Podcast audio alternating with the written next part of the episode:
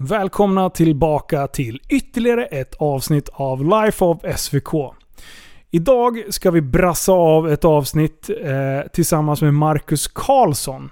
En god vän till mig som har jobbat med allt ifrån ungdomar till eh, människor med ganska grovt missbruk och även eh, unga, ganska grovt kriminella personer. Jag skulle vilja ha med honom i podden för att berätta om sitt arbete och eh, hur han hamnade där och eh, problematiken kring att jobba med dessa typer av människor. Gillar ni den här podden så får ni jättegärna dela den vidare. Ni hittar mig på Instagram under Life of SVK. Nu brassar vi av avsnitt nummer tre.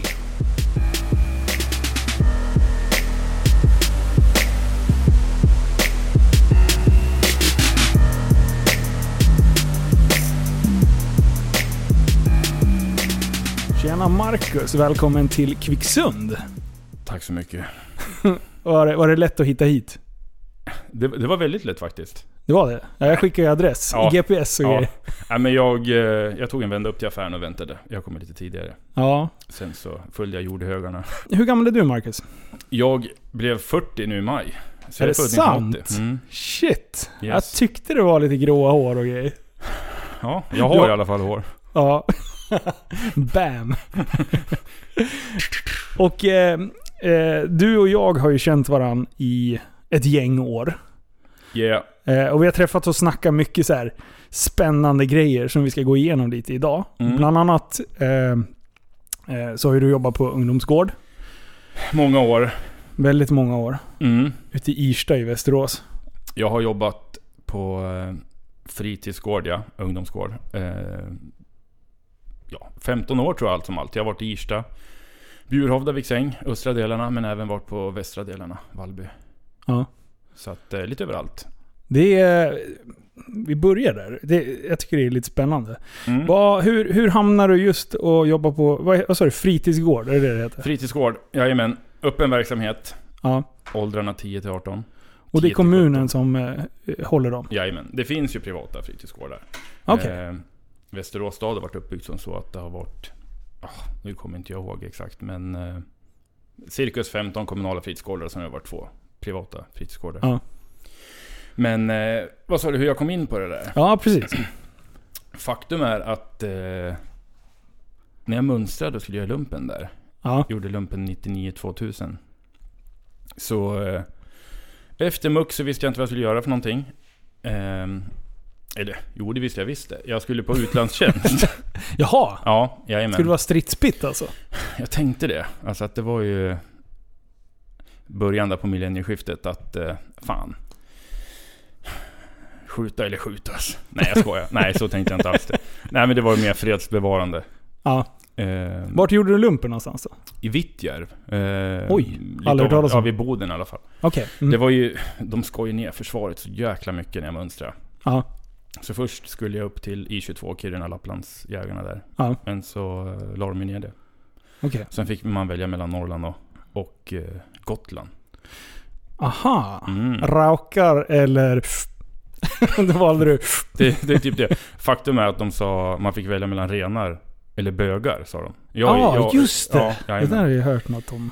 eh, inget ont om Jag känner, har flera homosexuella vänner så det var absolut inte elakt på så sätt. Alla har gjort lumpen på Gotland. Det var Så liksom de har att- stärkt hela Nej liksom- men eh, alla homosexuella de, eh, de eh, gör värnplikten på Gotland. Är det sant? Va? Ja, ja men det skiter väl jag i. Så att, eh, ja. Ja. Men du, eh, eh, var, var du duktig i skolan? Om vi börjar där. Nej, jag var riktigt jävla asdålig var jag. Är det så? Ja. Men, men det jag tycker är lite sorgligt, om man får offerkoftan. Ja. Det är att jag ville ju vara bra. Åh nej! Ja. Det blev en, blev en, twit, Ja. en twist. Helt ärligt så är det bara ångest från första klass till lite halv krokiga år på gymnasiet. Åh fan. Ja, stort sett. Vad, vad var det som strulade då? då? Nej, men vad... eh, vad ja. Det var ju tråkigt alltså. Eh, Okej. Ja, det var ju tråkigt samtidigt som jag visste att man ska ju, man ska ju gå i skolan. Det är ju Ja. allmän skolplikt. Det lärde jag mig ganska tidigt. Ja. Eh, Alltså- det är jobbigt när man liksom som barn får reda på att det är allmän skolplikt. För det är ingen som har talat om det för mig. Ja, nej. Alltså jag har ju förstått det. Men, ja, ja, men exakt. men, men du har ju lite spring i benen. Jo, det ja. händer grejer. Ja, det gör väl det. Du verkar så lugn här Ja. nu i inledningen, men jag vet ju exakt hur det här funkar. Kan du Eh. släppa på det? Ja, precis. Eh, men eh, bara, bara i skol, skolgången och sådär, kändes, det, kändes det tufft? Eller vad... Ja, alltså tufft och tufft. Jo, alltså man ska ju passa in liksom. Eh, och när man liksom inte känner att man inte passar in.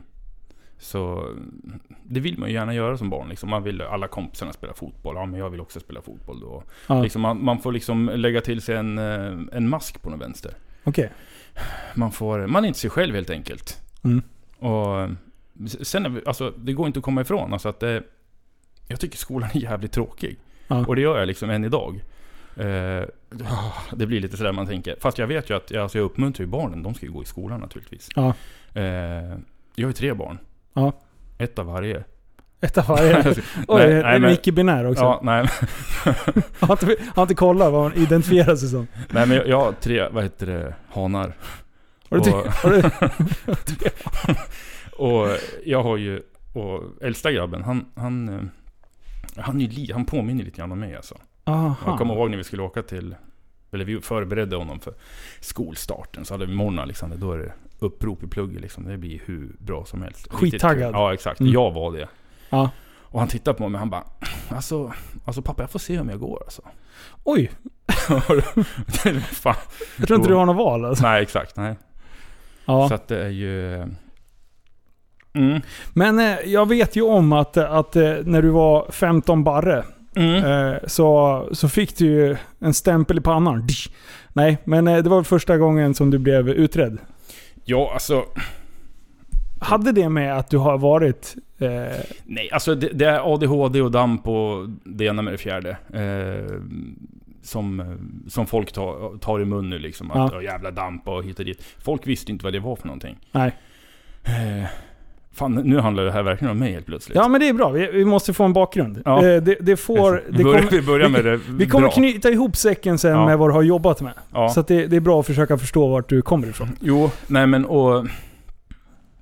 Det var, alltså, det var ju gymnasiet. Och det var ju liksom, för då tyckte jag det var riktigt tråkigt. Ja. Och, Skittråkigt. och, eh, och de sa ju det att ja, men Marcus Karlsson han är ju verkligen i behov av att det ska vara Det ska vara fyrkantigt. Ja. Det ska vara enkelt. Och sen minuten senare då, då sa de att eh, vi tycker att du ska pröva gå på eh, Vad heter skolan där borta vid Framnäs?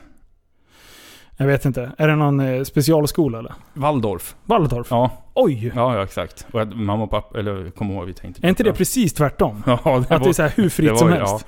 För, första dagen så är det en eh, fröken som kommer och möter mig där. Ja. Ser ut som Prussiluskan i Pippi Långstrump. Åh nej! Ja. Vä- väldigt positiv och trevlig. Jag, jag minns henne som, som varm. Hon sa det att Marcus, säg bara till om du inte vill vara här. För, för du får åka hem liksom. Att Till, till, till, till, till, till, ja, till. och jag bara okej. Hej då. Hej då. Och sen så... ehm, Ja men det, det, var ju en, en fin skola. Det passar ju säkert eh, de som känner att de är i behov av just det. Den Japp. skolan erbjöd, erbjuder. Så ingenting mot det. Men, men eh, det var väl liksom inte riktigt forumet för mig, om jag säger så. Blev det från att vara väldigt fyrkantigt och liksom väldigt inrutat till att det blev för fritt då? Eller vad? Ja, alltså det var, det var ju inte fyrkantigt alls innan heller. Men Okej. de sa att det var det jag var i behov av. Aha. Och då kom jag till Waldorf. Men du, vad, hur skulle man kunna, om du, om du hade fått eh, coacha dig själv som barn, lite som du med, med din son nu. Mm. Alltså hur... Vad hade krävts för att du hade tyckt att eh, skolan hade varit roligare eller in, intressantare eller liksom mer eh, inspirerande? Mm. Vad hade man kunnat gjort? Jag tror inte det mirakelpillret finns än alltså. Nej, men det, det är ju... Jag kan ju känna att är man väldigt påfrestande som barn Ja. så blir man ju jobbig för sin omgivning. För pedagoger och de som jobbar runt omkring. Ja. Eh, och då blir det väldigt mycket att alltså, det blir fokus på de negativa sakerna, att saker inte fungerar. Så det, det hela man får höra hela dagarna det är ju nej, nej, nej, du får inte, ajabaja liksom. Ah, okej, Och okej. det, det blir väldigt mycket så. Nu menar jag inte att man ska stryka medhårs alltså hela tiden. Absolut inte. Men att... Eh, som det är nu liksom. Att jag har ju kompisar som är lärare. Liksom, får inte ens säga till på skarpen liksom. Nej. Det, det, det är liksom... Det, det, ja. Ja, jag, jag, jag fattar. Men eh, vidare då. Vad, hur... Eh, eh, du, eh, du växte upp, började jobba. Hur hamnade du då inom eh, fritids, eh, fritidsgårdar och, och sånt? När jag muckade från lumpen som sagt. Ja. Eh, säger den bästa tiden i mitt liv. Mm. Jag gick till och med ut som bästa soldat. Fick så här utmärkelse och grejer. Ja. Aha! Mm. Men det är ju ändå intressant, för Ja. där är det ju verkligen styrt. Jag behövde liksom inte tänka själv liksom att de pekar ju vart man ska gräva den där gropen och vart man ska lägga sig och, och vem man ska skjuta. Och Vem man ska skjuta, vem man ska gräva Ja, ner exakt, sen. ja. Alla de grejerna Mm. som man gör i lumpen. Nej, så att det var ju väldigt enkelt och jag trivdes med kamratskapen och det var öppet och ärligt och det är liksom att man kämpade mot samma mål. Och de som var där var ju väldigt motiverade för att jag menar, vi hade ju tränat för att komma dit vi var. Ja. det var liksom en... Det var hockeylagskänsla kan jag tänka mig. Alla för, alla för en liksom. Ja men exakt, det var lite sådär. Och jag menar, var det någonting jag tyckte var tungt så... Han bredvid mig bar åt mig tills jag kände att jag orkade och vice versa. Ja. Så att... Eh, inte för att jag lämnade ifrån mig någonting. Men, Nej, precis. Du bar allas väskor sen till slut. nej men så att, så det var ju, det var riktigt schysst. Ja. Och sen så... ehm, efter muck så hade vi blivit godkända för utlandstjänstgöring. Och eh, de sa att eh, vi som hade blivit utvalda... eh, Alltså, man fick ju alltså, göra en formell ansökan då. Ja. Ehm, så skulle de ringa när det var dags att vi skulle åka då. Mm, japp. Och um, ett par dagar efter muck så åkte jag och hälsade på en gammal kompis som var uppe på Viksäng, där vid Viksängsskolan, fritidsgården. Ja. Då träffade jag enhetschefen där, Lasse Strand. Och Okej. en som jobbade där, John. Och eh, vi stod och pratade. Sen senare på eftermiddagen, då ringde de och frågade om jag ville komma in på timme. Fan vad schysst. Mm, så det var riktigt nice. Så att, Du gjorde eh, ändå avtryck där. Ja, jag gjorde ju det. Mm. Så att eh, det, var, det var riktigt schysst. Så att jag kom igång bara ett par dagar senare. Och fick börja jobba där. Ja. Och den vägen var det liksom att man fick hoppa in på timmar där och sen plötsligt blev det ett vick och man fick gå någon ledarskapsutbildning och man kände att fan, eh, jag trivs lika bra här. Vilket år är det här ungefär? Det här var ju, det var ju 2000. Så Ja. jag var ju bara 20 år. Ja. Så jag fick ju liksom inte ha något betungande, vad ska man säga, tjänster ja, man ska precis. säga. Ja, Mm. det var inte som att Ingen bärande tjänst så, utan på, Nej men exakt. på timme. Ja men exakt. På timme in och ta emot barngrupper. Jag hade ju hand om gymnastiksalen då. Vi hade ju mycket idrottsevenemang med, med ungdomarna där då. Ja. Så att, eh, inte lika uppstyrd uppverksamhet som det är nu för tiden liksom, om man ska säga. Men det passade bra. Det var ett forum som var riktigt kul och jag fick eh, känna på den delen och jobba där. Hur var kids på, på den tiden? Alltså, kände du igen, eh, kände du igen de som kom till er på, på eh, fritidsgården som... eh, Alltså, kände du igen dem som dig själv, om man säger? Rastlösa eller att de inte hade inspiration eller... Ja, alltså jag har ju varit på lite olika ställen. Ja. På Viksäng, när jag var där, skulle jag säga, det var väl liksom... eh, 90% var ju de här idrottsprofilen. De liksom... Det var idrottsprofil i plugget, det var träning på kvällarna och sen på fritidsgården. Är hallen öppen? Ja, det ska Liksom. fortsätta sportas. Och, och, och, och rulla in boll där liksom. det, ja. Ja. Så att, eh, jag menar, det var ju liksom... det var och ganska enkelt. om det var, det var enkelt och det är det som är de där tvära kasten liksom, som jag tycker om att, jag menar, vi hade det där gänget som kom dit, spelade fotboll, bandy och, och alla idrotter. Alltså var det någon som ville jula på mattorna fick de göra det liksom. Och Ja. Dagen efteråt så kom jag upp, då helt plötsligt så eh, brinner den här liksom tråden som hänger i basketkorgen. Och nedanför står en kille och pinkar i hörnet i gymnastiksalen. nice. Jo, ja exakt. Alltså, så då fick man ta hand om det och sen tio minuter senare så kom fotbollsgänget. Och det var liksom båda delarna. Men, Ja. eh, Ja, för Viksängsskolan, det, det var ju... Eh, jag måste ju nästan ha gått där då. Eh, jag tror... Jag, 99, ty- eller 2001, 21, nej, 2003, eh, då eh, tog jag studenten. mm. Så 99 gick jag alltså ut på... Ja, då hade jag slutat redan. Ja men och då ruckade jag in så att eh, 2000, det var 2000, 2001 någonting det här kanske då. Ja. ja. För jag, jag har aldrig varit på en fritidsgård. Nej. Eh, men däremot så har jag haft en fritidsgård i form av hockeyn. Liksom. Mm. Man hade alltid hockeyn och sen hängde man kvar i omklädningsrummet och liksom tjabbade med grabbarna. Ja. Så det var typ samma grej som, som Ja, vi hade exakt, där ja. liksom. Men många, folk behöver det där forumet. Och ty- tyvärr så är det många som eh, inte vill vara hemma och, och, och inte kan Ja. vara hemma och, och i behov av en, en verksamhet. Mm. Men eh, från där då tills, eh, tills jag kom och besökte dig ute i Irsta. Vad, hur, om vi snabbar på den, den utvecklingen liksom. Vad, vad hände sen? Den utvecklingen. Eh, jag fortsatte jobba inom ungdomsverksamhet. Eh, I många år. Ja. Och, och det var liksom roligt i och med att eh, enheten Irsta, Viksäng, Bjurhovda, det var ju samma enhet. Så att vi, var liksom, vi träffades ju liksom varannan tisdag allihopa. Och det var olika arbetsplatser fast, eh, Samma... fast ändå samma, man ska säga. Ja. Samma chef. Och, så att eh, vi följde liksom, som ICA typ. Har, Ja. Kan du jobba i ena ICA-butiken så är det lätt att komma in andra och jobba ja, också. precis. Eller att du kan utföra arbetet. Japp. Ja. Så att det är lite på det spåret. Så att jag hoppade runt lite grann där. Eh, Sen fick jag till slut en fast punkt. Kommer jag inte ihåg, men det var Viksäng. Ja. Det är en tragisk händelse egentligen faktiskt. Jag Men, men de, de tre, för de som inte är från Västerås nu, så Mm. ska vi beskriva Viksäng. Det är alltså en idrottsskola eh, Mm. där, där många av eleverna är väldigt idrottsintresserade och liksom har det fokuset. Men även där finns det en del som är absolut icke idrottsintresserade. mm, Eh, halvt invandrartätt ändå. Mm.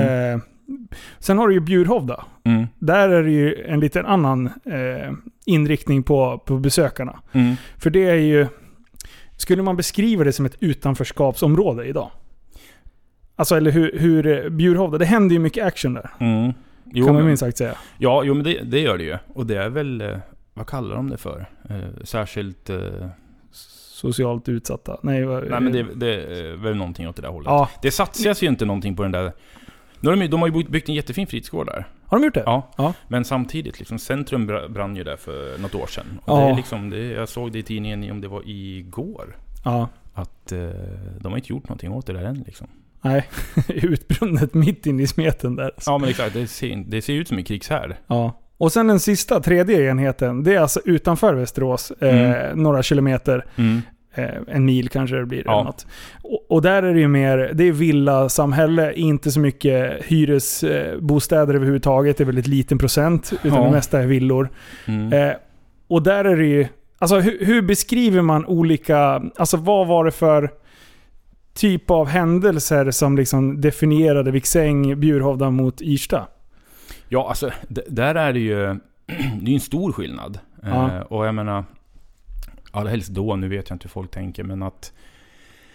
Irsta tänker man på som ett fint område liksom. Ja. Eh, majoriteten utav eleverna på skolan eh, har föräldrar som är gifta och det är två barn i hushållet och det är två bilar skrivna på adressen och... Ja.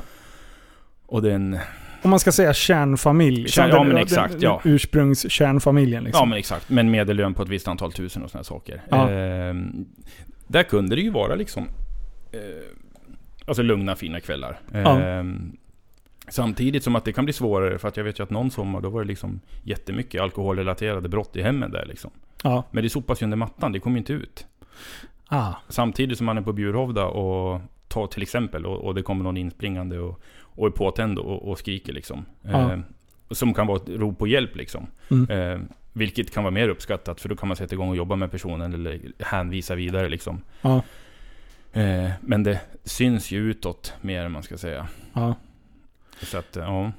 Ja, för, för alltså min bild av när, när det blir liksom sådana här eh, kärnfamiljsområden, om vi ska beskriva dem som det. Mm. När det, när det liksom inte är så mycket strul i övrigt. De barnen, de barnen eh, känns som att de härjar på en hel... Alltså det är så här onödigt härj. Mm. Men däremot om man kommer från, från ett eh, alltså, särskilt utsatt område. Då är det så här, ja men det finns så här gänggrupperingar och man gör mycket tok där också. Mm. Men jag blir nästan mer irriterad på när du har bättre förutsättningar och du beter dig som en idiot. Än att du beter dig som en idiot om du liksom inte har blivit lärd eller fått förutsättningarna till att vara, vara bättre. Ja liksom. men exakt. Eh, så det, är, det är två olika typer av eh, problematik man skulle vilja Ja, men, prata om. Liksom. Så är det ju. Jag menar, folk brukar ju prata om det sociala arvet och miljön liksom. Ja, Och det är precis som du säger där att ta Bjurhovda, en... eh, Nu tog jag bara Bjurhovda. Ja. Jag tycker om Bjurhovda, men eh, att eh, halv elva en sommarkväll liksom så... Är det 10-8-åringar ute i sandlåden som springer runt och härjar liksom. ja, Och, och, Precis. ja men du förstår vad jag menar. Ja. Liksom att det är... Eh, där springer de ut och så möts de på gården. Eh, som vi gjorde när vi var små liksom. ja. Fast vi gjorde inte det 11 på kvällen. Nej, nej exakt. Nej. Ja. Så att det är, ja. Nej men det är spännande. För jag, jag kom ut och härjade en del med er ute i Irsta. ja, ni kom ut med motorcyklarna ja. Ja, precis. Du, eh, vi bodde ju grannar där ett tag. Ja, på Klockatorpet. Yes. Jajamän. Och, och sen så höll vi på att härja lite och då sa du det. Fan, det är jättemånga som håller på och eh, tittar på Super Retards och det. Mm. Skulle ni kunna komma ut med hojarna någon gång? Men Mm. Det började med att vi åkte ut dit någon gång och sådär. Sen slutade det med att jag var ute för fan, var, var, var det varje eller varannan torsdag? Tisdag eller Robban torsdag. jobbade ja. Ja. Mm. Och du, du och Robban är en eh, köttnacke. Mm. Robban, han var grov. Eh, höll på med BJJ va? Ja. Eh, Yes, yes. Och var ganska krallig. Ja. Och alltså när ni två jobbade med de här ungdomarna. Det var ju det mest fantastiska jag sett. Mm. Det var skitkul. Alltså de älskade ju er. Eh, och det var, det var alltid härj. För ni, jag tänkte så här, vem är vuxen och vem är barn? Ungefär så kände man när man kom ut. Ja. För ni var så här, alltså ni levde ju ut liksom. Och, Ja. och det var bra stämning, ni hade bra koll på alla kids och alla var ju skitnöjda. Skitfulla tror jag du skulle säga. Nej, faktiskt Nej. inte. Nej, alltså, nej, precis som, som du säger. Att vi, vi, ja, men vi skapade en, en... Det var en skön känsla där. Vi hade ett väldigt högt eh, besökarantal och, och det var liksom... Det låg rätt i tiden och jag började med så små roliga filmer och klipp och... Jag kom Ja. någon film så var det typ 10 000 som hade sett den filmen. Jag vet att det ringde ungdomar från Hallsta och frågade om det var gratis att komma in till oss och sånt där. ja. Det är så... Det är så här, Nej, ni det, kost, det kostar lite grann. Ni hade, ja precis, under bordet pengar va? Här. Tog inträde. Det är som en svartklubb. Mm. Ni byggde den första svartklubben i Irsta. Ja, den, den första och den enda. Ja. Liksom. Ja. Nej, men det, var, det var häftigt att komma och se. Jag, jag, jag var där alldeles för ofta. Mm. Ja, Men det, det är en speciell känsla. Och har man rätt balans där, att man kan, och det är det som är det svåra. Alltså många har ju sagt det, så att, ja, men jag vet inte riktigt vad jag ska göra, men jag vill jobba med ungdomar ett tag. Liksom. ja. Alltså en fritidsgård kan ju vara, alltså... Jag vet att för många år sedan, liksom, att jag menar 9 av 10 fritidsgårdar, eh, alltså, nu när man har läst om det, man ska Ja. säga, kanske inte under min tid, men alltså att 9 av 10 var ju rent ut sagt skitdåliga. Och Ja. liksom att det var ju bara destruktivt. Och det var liksom den där klassiska, att komma dit så träffar man fel folk. Ja. Det ställer ju oerhörda krav på människorna som jobbar på en fritidsgård för att det ska bli bra. Ja. Och det är liksom att vi har det bra, vi har det roligt och vi kan göra det och det, men samtidigt att man kan sätta ner foten liksom. Ja. Jag menar vi, eh, jag kommer ihåg att när det var som mest, alltså ska man säga, upphaussad och larvig stämning liksom. Eh, och folk skrattade, roligt och det var kul liksom. Så vi tolererar inte ens svordomar liksom. Nej. Eh, samtidigt som man kom dit så kan man ju, alltså, vad fan är det här? Ja. liksom. Så, så, så, så det är liksom någonstans fanns det ju, det var det en framarbetad röd tråd liksom. Den tog ju år att jobba fram det där liksom. Mm. Så att... Mm. Funkar verksamheten bra idag också? Har, Jag du- har du någon koll? Ja, eh, det som är kul, Robban som vi pratade om nyss, han är ju avdelningschef där ute i Irsta nu. Är han det? Ja, så det Ah, är kul. skitroligt. Så att, eh, jag, jag tror att det går bra för dem. Och Irsta-skolan är helt ny nu. Och Har de byggt om den? en riktig mega. Jag tror det blir Västerås största högstadie faktiskt. Åh fan. Mm. Ja. 12 000. 12 000! 200 miljarder Ja, nej, men det är en riktigt stor skola. Och en bra rektor där också, Johanna faktiskt. Ja. Eh, så det är en bra, bra skola. Vad, om det sitter någon där hemma nu som funderar på att eh, fan, det där vore ju ganska lustigt. Hur, eh, vad är det för kvaliteter man söker på en... Alltså vad, vad är det för kvaliteter man bör besitta för att jobba med ungdomar på det sättet? Ja, alltså... Som sagt, nu... Jag är inte specialist på området, men att... Jo, Eh, nu är du det. ja, nu är jag det. Jag tvingar dig, jag ställer Ja, dig mot ja. väggen. Svara för det helvete. Man ska ju helst ha forskat i... Nej, men eh, de försökte höja statusen. Eller de höjde, försökte ju höja statusen på fritidsledaryrket här för ett par år sedan. Ja. Eh, och eh, det krävs ju en, flit, en fritidsledarutbildning för en eh, fast tjänst. Ja. Och, och jobba heltid. Jag vet att det kommer in timmisar som pluggar och sånt där. Som inte har liksom en examen. Mm. Eh, som bedöms som, som bra. ja. Men eh, för en fast tjänst måste du ha någon slags eh, utbildning. Och jag Va, att, hur, hur lång är utbildningen det då? Alltså, det är, nu är det ju mycket beteendevetare som jobbar. Ja. Eh, jag vet att de har tagit in vissa socionomer. Fritidspedagoger. Fritidspedagog, det är ju treårig högskoleutbildning nu. Ja. Fritidsledare, folkhögskola. Två år. Så det är någon slags sån utbildning. Eller den utbildningen som bedöms som korrekt för just Ja. nej, men arbetsplatsen. Liksom. För det känns ju som att man bör vara en bra förebild. Alltså vi säger att man ska få bort eh, stök från eh, eh, fritidsgårdar som inte riktigt funkar. Mm. Då behöver man ju, det var ju där du och Robban, det var ju det jag gillade med er två. Det var att eh, man såg upp till er. Man, det var så tydligt att kidsen såg upp till er. Unga killarna såg upp till er. Mm. Och tjejerna såg upp till er för att eh, ni var liksom bra manliga förebilder. Både för killar och tjejer. Mm. Eh, och ni skapade ju den här trygga känslan av att man visste precis vad, de, vad som förväntade sig av dem. Mm. Eh, och, och det är som du säger, att man, man smeker med ena handen och sen så agar man med andra handen när det går för långt. Mm. Inte agar, men ni får Ja, nej, fattar så, så jag tror att det är skitviktigt att ha det. Men jag tror ju samtidigt inte att det passar för alla då som kanske har drivet att vara skitduktiga fritidsledare. Att de har eh, motivationen till att sätta sig i skolbänken. Är du med hur jag menar? Mm. Att du kanske förlorar väldigt mycket bra anställda eh, som kanske inte besitter den utbildningen men som har kvaliteterna för det. Mm. Så att Så är det. Eh, helt klart. det är nästan som man skulle vilja ha eh, dels anställda och sen skulle du typ anställa som eh, så goda förebilder. Eller eh, Mm. vad ska man säga? Ja, du fattar vad jag... Ja, yes, yes, yes. Nej, det, det, där, det, det är skitsvårt. Det, är- det är ett vågspel det där. Eh, jag vet ju hur många som helst som inte har passat in i den här liksom skolsfären som skulle göra ett kanonbra jobb där. Ja. Men, men, och, och samtidigt nu, det ställs sådana oerhörda krav att det liksom, du, du måste kunna föra det i skrift, allting ska dokumenteras. Ja, Man jobbar utifrån politikerna, eh, eller politiken och det är beställning. Eh, vi ska göra det här ikväll liksom, och det ska dokumenteras och skicka in dit så att man får pengar för det och hela Ja. det köret. Så det, så det ställs ju ganska höga krav, det gör det. Så det är svårt att hitta den där matchningen. Men eh, som sagt, det, det är ju mycket... Du, en snickare har ju liksom skruvdragare eller eh, hammare eller vad det nu är liksom. ja, Annars kan han inte jobba liksom. Men som, som pedagog så eh, du är ju ditt eget verktyg liksom. ja, Och det är ju... Jag menar, det finns ju de som kan komma in i ett rum och liksom... Alltså äga situationen utan att säga någonting. ja, Utan att liksom göra det i skrämseleffekt. ja, ja, Eh, utan att liksom att man har liksom en, en närvaro. Ja. Och det är ju liksom... eh, Ja, det är svårt det där. Ja, alltså. det- det- För det, det, det, är är en utav de... Vi säger så här, ja men som lärare i skolan. Eh, det köper jag. Där, där lär du ändå ut och, och sådär. Där- Men där har du ju specialpedagoger som går med kanske klasser som är stökiga eller elever som är stökiga och sådär. De, de Eller de kraven, som behöver extra hjälp. Ja, precis. Men, men de, de, där kan man ju verkligen anställa de här personerna som är Eh, som kanske har växt upp själv och varit den här stökiga eleven. Och som säger, ja men jag vet vad jag, hur jag skulle vilja bli, bli, blivit bemött. Eh, och därför kan jag bemöta andra på det.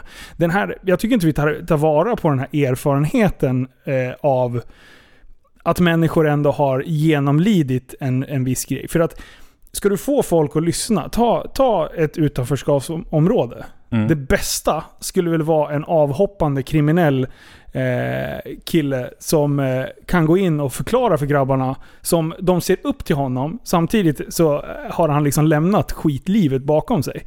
Mm. Då skulle du få en jävla bang for the buck kan man ju säga. Mm. Eh, Sen samtidigt, det har ju kommit ny forskning på de där grejerna. Eh, och vad som är bäst och, och eh, vad som inte fungerar och vad som fungerar. ja, Och de har väl slutat med sånt där nu va, tror jag. Alltså att det kommer... eh, Alltså att det gav negativ resultat när det kom värstingar sådär och skulle förklara att så, Aha. så här har jag levt och, och att det liksom att... ja, de såg upp till det fortfarande. Ja, ja men alltså att det liksom att det, det slog inte ut bra om man ska säga. Ja. Eh, men det, det, Hur som sagt- fan ska man göra då? Alltså det där är skitsvårt. Alltså det, det där är ju... Alltså en grej som kom upp på fritidsgården, kommer jag ihåg jämt. Det var liksom med rökning liksom. Ja, Ungdomar. ja, Alltså vi accepterade... Alltså såg vi någon röka så ringde vi hem till föräldrarna. ja. Eh, för är du 14-15 så ska du inte röka. Nej. Är du 16-17 ska du inte heller röka. Nej. Och jag menar, då är det liksom att... Då är det... Vi du, kan konstatera att ingen bör röka. Nej men exakt, nej. Och det var ju liksom att... eh, Då naturligtvis kontaktade vi föräldrarna. Och det, det var ju mångt och mycket det som byggde vår verksamhet. Att vi var ju liksom doers. Eh, alltså vi ag- agerade. Ja. Samtidigt som, som du sa Robban, köttnacke liksom. Och vi båda två har massa tatueringar. Eh, så, Och så ni kunde kampsport. Det var därför folk var Yeah. rädda för Nej men alltså det var liksom att någonstans hade vi ju eh, slagit hål på den där eh, machokulturen liksom. Att man eh, behöver inte vara hård och dum även fast nu är inte jag stor men köttnacke med tatueringar och Ja, precis. folk eh, Robban är bredare än vad han är hög. Det går fortare att gå över när runt den. ja, precis. Ja. Nej, men det... En oerhört fin människa. Ja. Att, ja, han har ingen aning om att jag sitter här. Nej, Nej. vi ska inte säga någonting. Vi var surprise.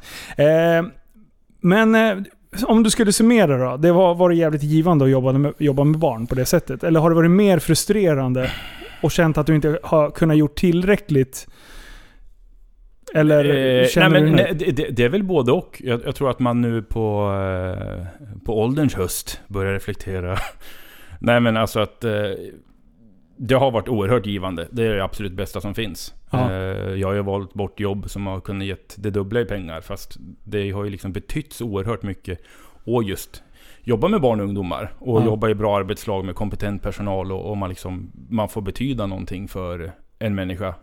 En ungdom som växer upp. Jag menar, Mm. fan, jag har ju, liksom, har ju fått hälsningar från de som är, vad var de nu, närmare 30 liksom. Ja. Som har tagit studenten. Alltså, nej. nej men alltså, och jag menar god jul och hela det där köret. Att de kommer ihåg liksom en för, för något eh, specifikt. Ja. Och det är liksom, jag har ju inte...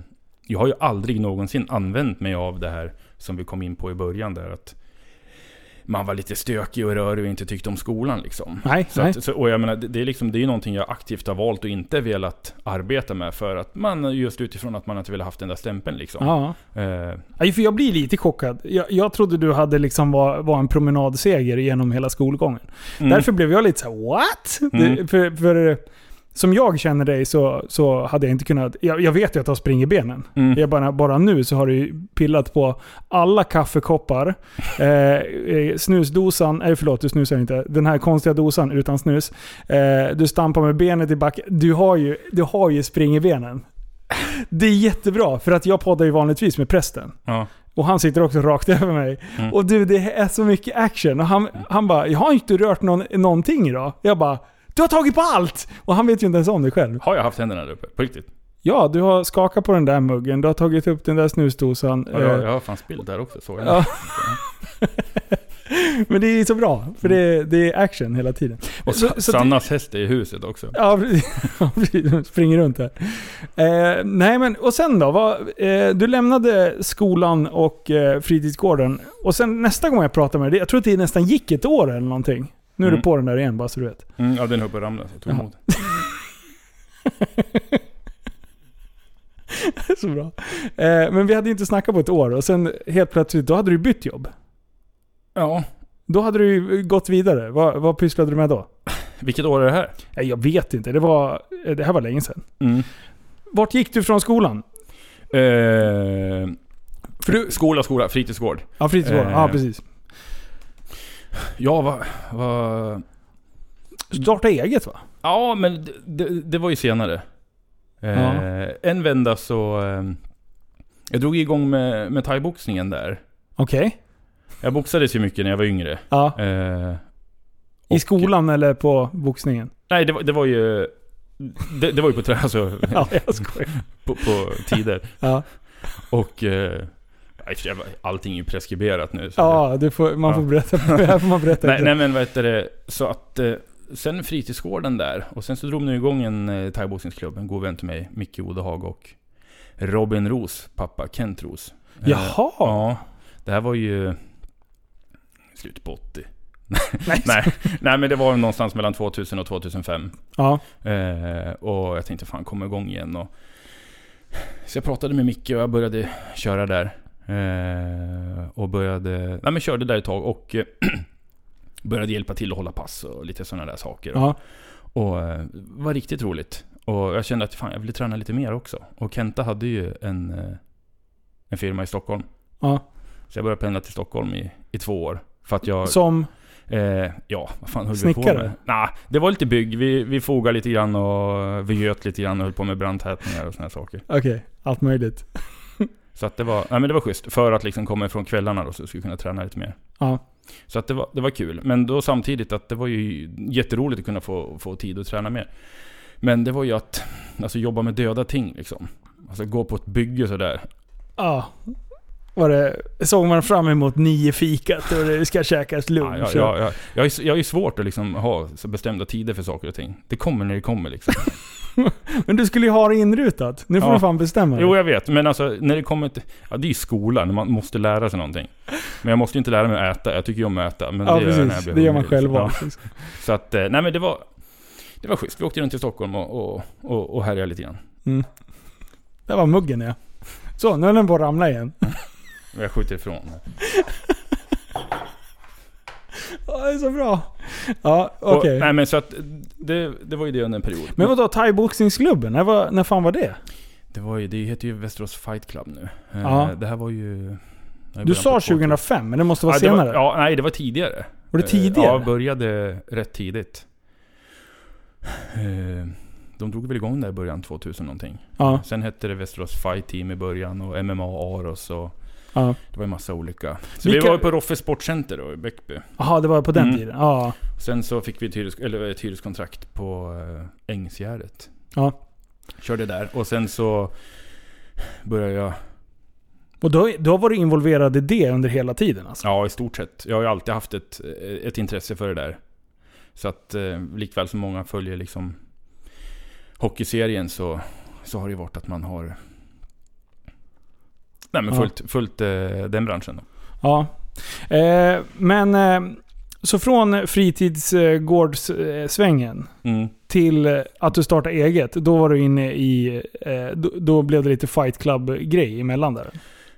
Ja, alltså Fight Club-grejen, det, det, det höll ju i sig i säkert över tio år. Så det har jag liksom haft som fritidsintresse. Ja, vilka, vilka grenar har det varit då? Eh, nej men det var ju just eh, thaiboxning. Är det thaiboxning Ja, som... för 2005, då åkte vi ner, då var vi på träningsläger i Thailand. Oh, så att, och då hade vi varit igång ett tag. Så att, eh, ja. Du, det, jag, är, jag kan ingenting om det här. Mm. Eh, så det här blir lite intressant.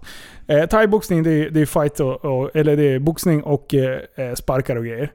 Men någonting jag inte förstår, när man går in i clinch. Mm. När de står och typ skickar upp knän liksom, där uppe mot eh, eh, nedre delen av revbenen. Mm. Alltså gör det ont? Ja, och det gör ju oerhört ont. Alltså för det ser så jävla larvigt ut. Man bara, vad fan står ni där och... och, Mm. Men, men eh, jag, jag har ju insett det efter jag har boxat mot Cederos. Mm. Att eh, även de här små halvträffarna gör ju jävligt ont. Det- Och då har jag tänkt så här, men vad fan, bryt isär så ni kan sparka ner varandra istället för att stå Mm. där och knä lite grann. Det är ju... Det är väldigt speciellt clinchen. Och det, många väljer ju bort att inte titta på thaiboxning för de tycker det är tråkigt och de håller på att gå in och gröta där. Men det är ju Ja. oerhört jobbigt alltså. Fy Ja. fan, alla dagar i veckan att jag tar en smäll över huvudet. eh, Alltså kroppen egentligen. Okej. Vadå, så, så det är eh, de där knäna som ser ut som att de knappt träffar. De Ja. gör jävligt ont. Ja, alltså går, kommer de in liksom. Eh, så att de sitter. Då, Ja. då, då pinkar det ju blod ett tag framöver. På att säga. Nice! Det är ju det, det är målet. Eh, Jaha, men hur duktig var du i thaiboxning då? Tävlade du och sånt där också eller? Ja, lite grann har jag tävlat. Men jag skulle säga att, eh, nej men lite medioker. Jag tyckte det varit roligt. Det har varit liksom min, min, min grej. Det var ju också det där, alltså fritidsgårdskänslan. Man var ett eh, team där som tränade och höll grupper och... Ja. Så att, eh, oerhört kul. Och det var ju liksom... Vart familjärt. Det var mycket poliser som körde och ungdomar och vuxna och familjer och... Det var liksom, jag tycker om träningsformen, just det här rondintervallerna och liksom cardio och explosiviteten och... När Ja. man liksom haft svårt att stå... Så du, var, du gick in och blev lite tränare sen? Alltså, du, du säger att du körde pass. Ja men exakt, du- ja, ja men exakt. Då hade du, körde du själva Ja träningspassen. men man säger. exakt, ja.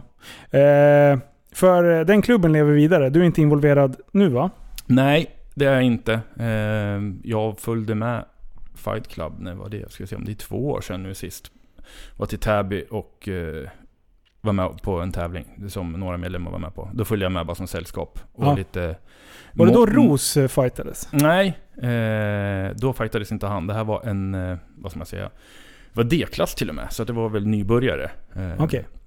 Så att det var mm, och jag och eh, fyra till från klubben som åkte dit. Då. Ja. Så att det var, var kul, få komma dit och andas eh, linjement och Ja, precis. Känna på grejerna igen. Det är som hockeyomklädningsrummet. Det ska lukta riktigt vidrig svett. Då är man så här nöjd. Ja, men li, li, lite så så. stå och sniffa ner i en hockeyhandske. Det är den bästa känslan som finns. Ja, Men du, eh, för de som har lyssnat på Tappat som barn så hade vi med Elin Cederos här för ett jag fick gäng sms avsnitt utav sedan. henne för fem minuter sedan. Är det sant? Ja, lite Ja. roligt. Eh, för för det, det är ju du som eh, har hokat upp eh, så att eh, eh, vi, fick, vi kom i kontakt med henne. Mm. Eh, och eh, då ringde ju du till mig och bara du, jag har en sån jävla bra gäst i podden. Mm. Eh, och då berättade jag lite. Och grejen är att det är skumt för jag visste egentligen ingenting om henne. Jag hade sett hennes namn när hon blev nominerad som Årets Västeråsare. Mm. Och jag bara, vem fan är det här? För då var Mm. vi också eh, nominerade som Årets Västeråsare, eller efter Musikhjälpen. Och sen läste jag lite, jag bara what? Är hon Det- alltså, det- dubbelvärldsmästare? Ja, det är helt sjukt. Alltså det där... eh, Det är en sån kompetent... Jag ska inte säga boxare. En kompetent människa. Alltså, alltså, och, alltså, och mer än kompetent när det kommer till boxningen. Alltså det är ju en... eh, Alltså hon är så sjukt duktig att det liknar ingenting. Och det Ja. är liksom att första gången jag alltså, pratade med henne förut. Ja. Det var så här att... Fan hon svarar. Ja. liksom. Ja. Och, och, liksom, och nästa gång man träffade henne, då var det hon som hejade först liksom. Ja. Och liksom att... Och man visste, där är det ju... Det var innan hon var världsmästare, men jag visste ju att hon var ju riktigt bra. Och jag har ju följt amatörboxning också. Och ut och kolla forum och eh, hela det där köret. Så att hon är alltså... Alltså, Helt- det, Mm. det, när hon var här... i Djurgården och... det Ja, liksom, jag vet. Vilken jävla resa hon Ja, har gjort alltså. Det är helt Och galet. vad hon än tar sig för så blir det ju bra. Fantastiskt. Det, och, och just eh, när hon var här och poddade. Mm. Och, och, alltså bara att hon sitter här Mm. inger någon sorts pondus. Ja. Det här som du säger, att en människa kan kliva in i ett rum Mm. och typ äga och eh, man snor lite i showen Mm. fast man är lugn. Mm. Och bara så här, Mm. hon är bara så här skön. Hon Mm. bara ser glad ut och man bara henne ska jag inte jävlas med, för hon kan döda mig på 0,3 sekunder. Mm. Och sen samtidigt, man vet att hon gör inte det liksom. Nej nej. Eh, och, och det är... Eh, Elin som person är ju en... Eh, en riktigt bra reklampelare för idrotten. Ja. Ja, verkligen. Ja, alltså både... Alltså, alltså meritmässigt. Alltså, det bara, alltså, det, folk klarar inte av det hon har klarat av. Liksom. Och hon står där och ser glad ut liksom. Ja. Eh, jag ser henne ofta när jag åker till jobbet. Hon kommer cyklande liksom. Ja. Ska åka ja. och träna. Och det är så här. Tränar förmiddagar och sen tränar hon eftermiddagar. Och hämta lite och, barn däremellan. Ja. Eh, ha någon föreläsning. Eh, Ja, det är så jobba coolt. lite grann. Det, det liksom är ju sjukt stort. Alltså vart över till Atlanta där och fan. Alltså det är ju... Ja, shit. Hennes match alltså, när jag såg den inför att hon skulle komma hit. Mm. Eh, vad hette hon de mötte? Åh, ja skitsamma. Ja. Eh, och, eh, och den matchen, det är en Mm. riktigt, riktigt bra match. Mm. Alltså det är action. Och hon berättar att hon bryter näsbenet i, vad är det, nionde ronden eller någonting. Eller- Ja. Så bara fortsätter fighta. Så, nej fy fan. Så, och, och då säger jag ju till henne, jag bara, jag måste få följa med och träna någon gång. Mm. Eh, det, det, vore, det vore ju så jävla episkt. Mm. Ehm, och, och eh, Alltså när vi är där och, och, och när hon lappar på lite grann. Vilket jävla tempo liksom. Alltså, jag, jag kan inte ens beskriva hur det kändes att få de slagen mot liksom, man, vad heter de här grejerna? Jag säger pads. Mittsarna, ja. Mittsarna. Mm. Så, bra. Det, jävlar folk blev arga när jag sa pads. Och därför sa jag pads 15 gånger extra. Eh, men när hon slog mot, alltså för det första höll axeljäveln på att flyga ur led. Mm. För man var inte beredd på, Det är en konst smällen. att hålla mittsarna Ah, ordentligt. shit! Och sen det trycket liksom. Det bara BAM! Oj, vad fan hände? Alltså, man hinner Mm. inte ens se. Mm. Hur hinner man liksom... Det, det måste ju vara samma i thaiboxning liksom. Speciellt när du ska ha två jävla tassar som kan flyga också. Först har du eh, armarna som viftar och sen ska du vara beredd på att någon jävel vill sparka i huvudet också. Alltså, om man... I boxning så har du ju händerna. Ja, Och i kickboxning så har du ju händerna och så har du ju fötterna. ja, I thaiboxning så har du ju händerna och sen har du fötterna och sen har du armbågarna och sen har du knä. ah, just det. Du får armbågar i thaiboxning. Mm. Så att, eh, det, men... Alltså, timing och avståndsbedömning. Alltså det, det är ju en... Eh, det, det är som Elin, alltså, hon slår ju lika hårt som en häst sparkar. Ja. Men det som spär på det ännu mer, det är ju precis... För hon vet vart hon ska stå. Ja, Eh, så att träffen gör mest skada på hela Brostedt. ja. Alltså när hon bara markerade slag. Mm. Alltså det, det, man hade ju ont i huvudet efteråt. Mm, ja, ja. Och det sköna är att hade hon suttit bredvid oss här så skulle hon liksom nu varit allmänt ganska tyst och tycker inte om att, att, att prata om att hon liksom Ja, nej, nej. göra illa någon eller slå hårt eller någonting Ja, nej sånt där. nej. Så att det är ju... Men jag bad ju henne. Mm. Jag bara kom igen nu. Jag, Mm. Så jag vill ändå känna på lite sådär. Alltså min respekt för boxning som sport. Alltså Mm. jag har alltid varit så här, jag bara men kom igen, de går ju aldrig ner. Mm. Men nu när jag förstår att en halvträff, Mm. hur ont det gör, eller hur det känns, Mm. lite grann liksom, och då är det inte ens i närheten, så har man ju ändå full respekt för att de ändå står upp. Eh, så att när de blir sänkta, då kan jag tänka mig hur jävla Då- hårt då, det är. Liksom. då, då, då gör det så, så sjukt, eh, sjukt ont. Och, och som hon sa, är du beredd på att en smäll kommer, då Mm. kan man oftast ta den. Ja. Men det är de smällarna man inte ser och man inte hinner liksom spänna upp. Liksom. De, de går man ner. Nej, och alltså, alltså, Elin gör ju oerhört mycket för Västerås stad skulle jag säga. Ja. Alltså eh, marknadsföringsmässigt alltså. Alltså BK Rapid-klubben med henne och liksom dubbel världsmästare och, och jag menar också utifrån det här med jämställdhet och eh, hela det där köret som kanske inte ska komma in på så mycket men att eh, liksom att Ja, jag vet inte vad jag ska säga det. Alltså, hon, det är ett riktigt bra språkrör för sporten. ja. Ehm, som inte får tillräckligt mycket uppmärksamhet skulle jag säga. Alltså jag har haft lite sådär, jag kan ändå resonera, eller förstå hur folk resonerar med att en sport är inte en sport när det går ut på att skada någon annan. Mm. Eh, det har jag full respekt för. Jag kan Mm. fortfarande tycka att det är konstigt. Alltså som, som när, vi, när jag tränade med henne och jag råkade slå henne i huvudet. Mm. Så säger jag oj, förlåt. Mm. Det är liksom min första reaktion. Mm. Hela första liksom när vi så här, skojsparrades lite. Mm. Då är det så här, oj förlåt varje gång jag träffar. Jag slog ju inte för att jag trodde att jag skulle träffa. Men sen, sen till gång nummer två, hon bara kom igen nu. Det blir, alltså, du måste ju försöka träffa mig. Du kan slå hur hårt som helst, jag kan ta det. Eh, och då försökte jag ju ändå träffa. Och då var det, alltså det var ju kul. Jag Mm. tyckte ändå, jag fick lite blodad tand, Ja. tand liksom. Över att eh, man ändå vill försöka få, eh, alltså connecta ett slag liksom. Mm. Det, det är ändå fränt.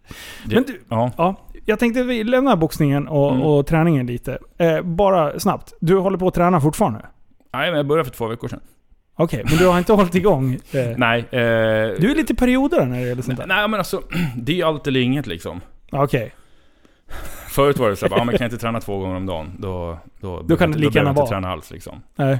Har jag käkat McDonalds idag, då behöver jag inte träna på veckan för då är, då är hela veckans träning förstörd liksom. Aha, Nej men så. alltså, nej. Det, det, det har väl kommit ifrån. Nej men jag drar, kör lite gym nu. Ja. Eh, kör borta på Hässlö faktiskt, riktigt skönt. ja. ja, men det är bra. Det är skönt att veta att du håller igång. Ja, för tusan. För jag måste hålla igång, men det är mest som terapi för skallen. Mm. Jag måste träna, annars blir jag som en tickande bomb. Och, och tickande bomb är inte nödvändigtvis negativt. Du kan- Det kan lika gärna vara att jag sitter och bubblar och tittar på YouTube-klipp om eh, att jag ska bygga världens största akvarium. Eller att jag ska typ eh, börja med eh, skärmflyg eller vad fan som helst.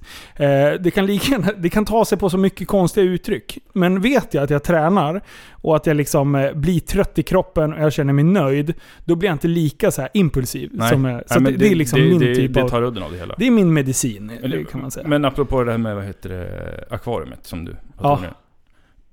Alltså, det är en bur här ute lika stor som Bellevue typ. Ja, just det. Jag har byggt en kaninbur. Är det en kaninbur?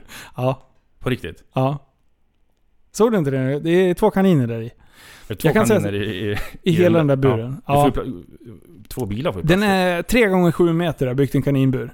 Eh, och sen har de ett eget berg de kan springa på och sen har de ett eget hus i huset, eller i själva gården där. Eh, och sen så lekte jag snickare. Det är det enda jag snickrat i hela mitt liv tror jag. Eller satte på tak på den där skiten. Eh, så jag har verkligen eh, lekt Martin Timell utan själva pullandet då. Eh, ute i Ta bort handen. Ja, precis. Bort med. Nej, så jag känner mig ändå liksom... Jag, känner ändå att jag har... Jag har varit en bra pappa. Jag känner Ja, det är verkligen barnen att som vill ha kaniner. Ja, ja. Ja. Ja, det är inte jag. Ja, nej. Alltså jag, jag får inte ut jättemycket av de här kaninerna. Det jag får ut med är att barnen är överlyckliga. Och de, de kan gå in till kaninerna nu och sitta i den här buren och leka med dem. Då blir det betydligt lättare att hantera. Det är bara “Pappa, jag får inte tag på Ruffo, kan du hjälpa mig att ta ut honom?” Bara ah, “Shit”. Och den där jäveln han river mig och allt möjligt. Jag, jag är inte riktigt överens med dem där. Mm. Eh, Det var ett präktigt hus de har. ja, Mm. Och det är målat exakt eh, i samma med, med knutarna och det som vårt stora hus. alltså det går inte att göra någonting halvhjärtat. Det Nej. ska ske all in. Sen att det liksom ligger så här när vi byggde det här uterummet, att det ligger så här travar med, med träplankor och grejer utanför under en presenning. Bryr mig inte alls. Det, det skiter jag i. Så att ja, jag är bedrövlig och tar tag i det här sista. Liksom. Det är de här sista listorna när man har byggt om. Mm. Det är typiskt jag. Ja men Ja. nu är jag snart klar. Skiter i det. De kan ligga tills det liksom nästan färgas, det blir lite gulnar nästan. Jag lovade mig själv i år, med, när jag plockade fram poolen. Mm. Då sa jag så här, den här gången så ska jag stänga poolen i slutet av augusti när det fortfarande är hyfsat varmt. Så att jag har tid att göra det, så jag slipper frysa och göra det. Ligger den och... Har jag stängt poolen än? Nej, just det. Den står och, och pumpar vatten där ute fortfarande. Så bara kostar en jävla massa pengar och det börjar falla löv och skit. Alltså allting blir jobbigare. Men jag är så sjukt lat som inte bara gör det. Jag blir så trött på mig själv. Istället sitter jag och startar en till podd liksom och tycker att det, livet är en fest. Liksom. Kör, kan åka skridskor på det där sen. Ja, det vore ju nu alltså. Mm. Skridskobana. Eh, Men du, jag är fortfarande nyfiken på... Du, vi ska in och eh, stångas lite i eh, dina nästa projekt du hade. För att du eh, startade ju ett boende. Mm. Vad var det för typ av boende? Ska säga att innan jag startade, eh, det är missbruksboende, stödboende, stöd och Mm. motivationsboende som jag har drivit. Eh, innan jag gjorde det i egen regi så eh, var jag anställd chef på ett privat eh, Okej. boende också. Mellan Västerås och Jönköping. Ja. Eh, det var ett väldigt stort stödboende, var där ett par år. Eh, en god vän som, eh, som äger fastigheten. Ja, Dagfinn som vi pratade om. Ja. Gamla Shaboom-sångaren. Shaboom. Shaboom, ja. Norrmannen. Norrman, yes. Och, eh, Så jag var där och körde ett tag. Efter det så blev det tillbaks till ungdomsverksamhet. Okej. Det var då jag kom bort till de västra delarna av Ja. stan. Började på Vallby.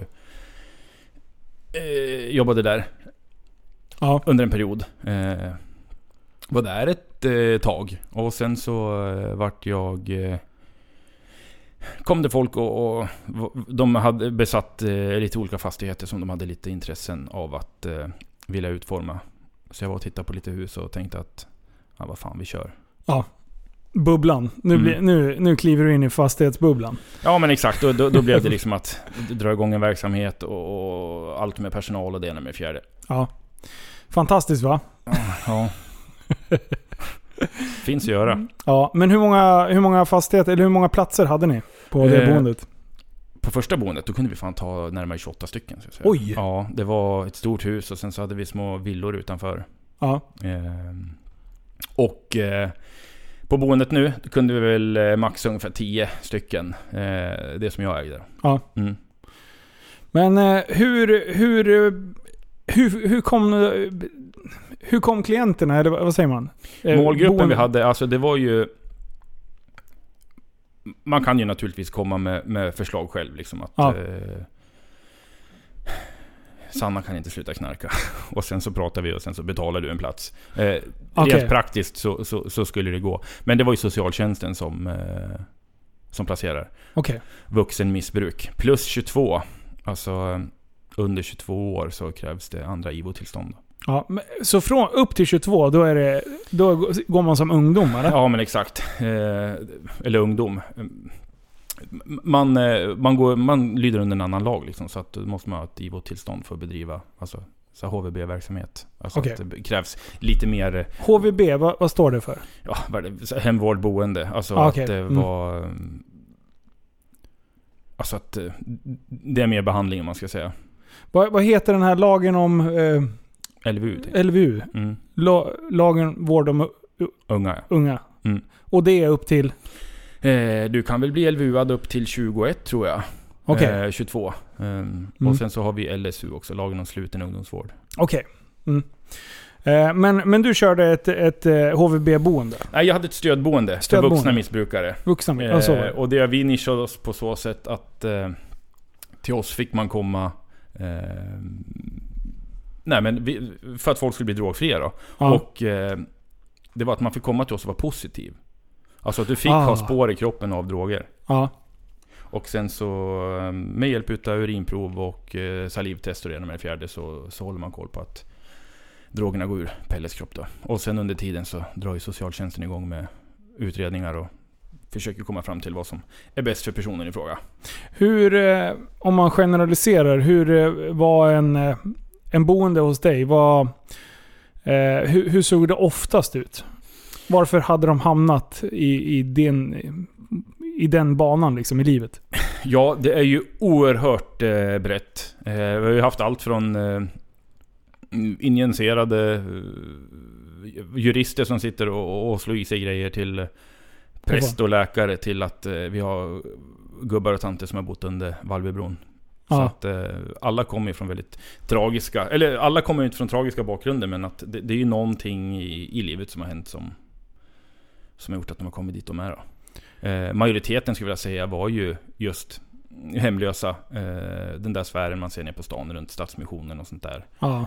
Som kanske har fattat beslut här i livet att nej men, de, de, de lever som de lever. Och sen så eh, för att inte socialtjänsten ska gå in och göra liksom ett omedelbart omhändertagande liksom, och så, eh, så blir de erbjudna eh, ett stödboende under tiden. Ja. Så att, eh, mm. Det känns ändå som att det är en eh, verksamhet där det kan hända ganska mycket grejer. Vi- Visst är det så. Alltså, det, det är ju den tiden, det, är ju då de tänder av liksom. Ja, det var lite så jag Eh, tänkte. eh, Majoriteten är ju i behov av en avgiftning liksom. Eh, Men, men det är ju svårt att komma in. Landstinget och psykiatrin och 91 och det där. Är det, det är en flaskhals där eller? Ja, och det är lite väntetid. Om man säger Mm. så. Ja. Jag orkar fan inte ens prata om det alltså. Nej. jag ska. Nej men det är ju... Jag satt och skulle in på akutpsyk med en person och vi satt där, jag vet inte hur många timmar. Jag tror till och med vi bytte av personal också. Jag tror till och med att jag sa till den här personen i fråga att du får gå upp och låtsas smeka den där statyn i brons som står där borta så att de ser att vi behöver hjälp liksom. Nej men alltså att det är ju... Nej men det är många som vill ha hjälp och, och um, det det tar sin lilla tid den där byråkratin liksom. Ja. Och ska ju po- poängtera också att stödboende är inte igång nu. I och med att Västerås stad har ju sina nedskärningar. ja, just det. Det röstades igenom under förra året va? Eller var Ja. det tidigare i år till och med? Ja, det var tidigare år. Eller om det röstades igenom förra året. Men att eh, nedskärningarna, det, det blev ju liksom alla privata boenden samt de kommunala liksom. Jag, jag är tacksam eh, med att vi, vi körde skeppet. Vi hade ju klienter väldigt sent. Vi, vi fick behålla två, eller ett gäng, eh, ganska länge. Ja. Eh, så att det var bra. Det, det, det gick bra. Eh, men nu eh, finns ju inte den där genren längre. Förutom att om man ska Så det, de, den blir- typ av du, boende som du bedrev Mm. och som du ansåg var brist på redan då. De är egentligen borta. Ja, alltså eh, brist och brist. Kommunen har ju sina boenden. Men jag är väl i den... Att det behövs eh, mer Ja. än vad det gör liksom. Jag får ju mycket telefonsamtal varje vecka nu, skulle jag vilja säga. Nu har det blivit lite lugnare för att det har gått en tid. Men i början, det var snittade en 4-5 samtal i veckan. Att det var anhöriga som ringde och, och, och grät för att de hade i sin tur anhöriga som var i behov av hjälp. Ja. Eh, och det var liksom att ja, men du får ta kontakt med socialtjänsten och hit och dit. För det är den vägen man måste gå. Liksom. Och, och de grinar och säger att ja, men vi, han fick rådet att eh, har du ingen drogfri kompis du kan bo hos? Liksom. Och, och, Ja, jag menar, och det, liksom, det, det fungerar ju inte så. Eh, Ja, jag tycker det där, för, för det är min bild också, att eh, du och jag har ganska mycket kontakt när jag har action uppe på mitt jobb. mm, Eh, då... Ibland så frågar jag vad fan ska jag göra? Alltså, för du, du har ändå jobbat med eh, narkomaner på det sättet. mm, Medan jag är så här. Vågar man gå ut och ta tag i det här eller liksom... mm, Eh, oftast så, så känner jag ju när någon har den psykblicken av att vara ordentligt påtänd. mm, Då kör jag ju hellre så här kompisgrejen. Bara, Men du, vad fan pysslar du med nu liksom? mm. Lämna tillbaka mina prylar. Eh, jag respekterar dig, du respekterar mig. Gå bara härifrån liksom och visa dig inte här igen. Mm. Ofta brukar den funka ganska bra. Ibland blir de ju våldsamma och djävulskt. djävulskt. Eh, ibland är det nästan bättre på att gå ut och skrika liksom och Nu följer du med in här! Och verkligen så här sätter sig på personen för att inse att jag har makten. Eh, men just så här alkoholister, den här gamla klassiska fyllgubbsgrejen Mm, de är ju lätta att hantera, tycker Mm. jag. För de, de, de lyf, lyssnar oftast och de kan man skrämma slag på ganska så länge du är auktoritär. Medan narkomanerna, där, där, du vet fan inte vad du har att vänta dig. Ibland så är det ju liksom anfall är bästa försvar och ibland så är de jättelugna och städade liksom. Mm. Ja, det finns ju alla typer där. Det, det, så är det ju. Och... eh, Du ska nog fan ta det lugnt alltså. Ja, det är inte värt det. Nej, det är det ju inte. Ehm, Du ligger, ni har ju affären lite beläget också. Att det är ju där de går ner på stan och... Ja, de passerar. Ja, Eh, dels utifrån Hässlö där och sen Ja. har vi ett boende i närheten. Eh, så att jag märker ju tydligt, jag vet ju ungefär vilken de... Det finns ju ett härberge i närheten av butiken. mm, Eh, så jag vet ju när de blir utsläppta. mm, när, de, när de måste lämna eh, deras plats de, som de har fått under natten. Och då vet jag att de går förbi min butik och sen tar de frukost och lunch Mm. liksom. Ska jag poängtera att d- när vi tittade på en bild på... Det var ett gäng som hade varit och stulit hos dig. Ja. Och... Ja. Sista killen där, på Aha. bilden i alla fall. Ska jag berätta den här historien? Ja. Det är helt sjukt. Är det, är det han du tänkte på som jag la ut igår? Nej, nej det här Okej. var när, du och jag hade kontakt sist. Ah, ja, och, ja, och det, mm. det var liksom att... eh, Ja, just det. Ja, ja, vi, vi, ja, men vi, för då, var- då var det ju ett par som, som var hemlösa. Ja. Och ville ha hjälp och allting gick ju bra som helst. Lång historia kort. Eh, han frågade mig om... Eh, då bedrev vi inte boende i form av stödboende, socialtjänsten, utan att de var hemlösa och eh, ville komma på fötterna. Vi erbjöd dem rum. Eh, så att de hade någonstans att sova. Alltså en minusverksamhet. Blödde 50 000 i månaden alltså, bara för att vi ville hjälpa de hemlösa då. ja. Det här var ju under tiden som det här beslutet hade röts, Ja men röstats exakt, igenom. ja herregud, det här är liksom. dryga halvåret sen eller något sånt där bara. Ja. Eh, och, och, och han säger att, men du, jag har en släkting som kommer swisha. Eh, men är det okej om han swishar dig? För jag skulle köra ner dem till tingsrätten. Ja. Eh, så kan vi stanna och ta ut de pengarna. Jag bara, men swishar han mig eh, på mitt nummer nu eller? Han bara, ja han gör det. Och sen pling så kom det 150, eller 250 kronor. Ja. Och jag hade inga kontanter på mig. Jag bara, men vi stannar vid bankomaten vid Linus. Mm. Eh, och eh, tar ut pengarna. Ja men fan vad bussigt då. Och det, mycket riktigt så stod det namnet där som, som, som han sa att jag... Ja, i swishen då. För bara, de hade bott hos dig under en period. Ja, under de hade bott tiden. ett par veckor, ja exakt. Eh, och, och det var liksom, de kom in i den här svängen med bostadssociala och ekonomisk ersättning så att de liksom kunde betala hyra för rummet liksom. Och, Ja. ja. Precis. Och jag hade hjälpt dem väldigt mycket. Och, och, och stannar innan tingsrätten, som sagt, vid din butik och eh, tog ut pengar. Och eh, det var 250 kronor swishat, jag tog ut 300. Ja. Behåll 50-lappen så kan ni käka lite grann sen också. Ja. Eh, ja men det var skitbussigt. Och sen så, efter mycket om och men så... Så försvinner de från huset sen efter ett par dagar senare, eller om det var en vecka senare eller någonting sånt där. Sen, sen en eh, dryga tre veckor efter det här, då, då ringer min, får jag ett sms av en kille som säger Hej Marcus! Eh, jag köpte en... Eh, jag köpte en DVD utav dig. Men den har inte kommit än. Och jag tänkte, "Åh, nej fan, jag har inte sålt. Jag har inte haft DVD på flera år liksom. Nej. Och, eh, och jag ringde upp till honom så jag bara, Vad fan snackar du om liksom? Ja. Eh, och det, det var liksom, det var någon sån här 14-årig kille. Eh, som hade fått såna sparpengar och köpt DVD för han skulle få ha DVD på sitt rum liksom. Ja. Skitnöjd var Ja, Mm. och jag bara alltså du, jag har inte sålt någon DVD. Jag så bara, jo men jag swishade ju dig och, och jag gick in och tittade. Så jag bara, men... Eh... Och då, jag bara, då frågade jag bara, du vart, när, var och hur köpte du den här liksom? Han bara, ja, men jag var på den här annonsen liksom. Och då skickade han en annons på sms. Då var det ju alltså fotat, min TV, eh, DVD, grejer som vi hade på boendet. Som vi hade köpt liksom så de skulle kunna titta på TV där. Ja. Så de har ju liksom snott grejerna av mig. Fått köparen och betala mig och jag i min, sin tur, eh, i min tur ger pengarna till han som liksom har... Så, så jag sålde liksom mina egna grejer. Fast de tog pengarna. De tog pengarna liksom. Men då skickade de aldrig den där? Men de hade snott DVDn också? Den var inte kvar på... Nej nej nej, DVDn och TV och alltihop sånt där. Vad fan, då, är det, då har de ju sålt DVDn också. En gång till. Så, åh. Tack för hjälpen Marcus. Då har du en kniv i ryggen. Ja, ja men det var, då, det var lite så här. Så då vill man ju gråtrunka i duschen liksom. Ja. Det var, ja men det är ju så här. Like you do. Ja, nej men det är så här. Då, då tvättar man sig extra noga på kvällen. Ja. Jag var tyst om det här i flera dagar, jag mådde ju oerhört dåligt. Ja. Eh, det var liksom att luften gick ur en.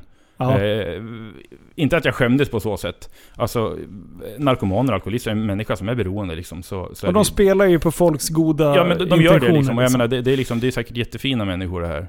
Men, Mm. men eh, suget, eh, det tar över hand liksom. Och de går ju över lik för att få pengar till... eh, de tar ju det som får dem att överleva, som samtidigt får dem att dö liksom. Och Ja. det är som sagt, det, det är ju...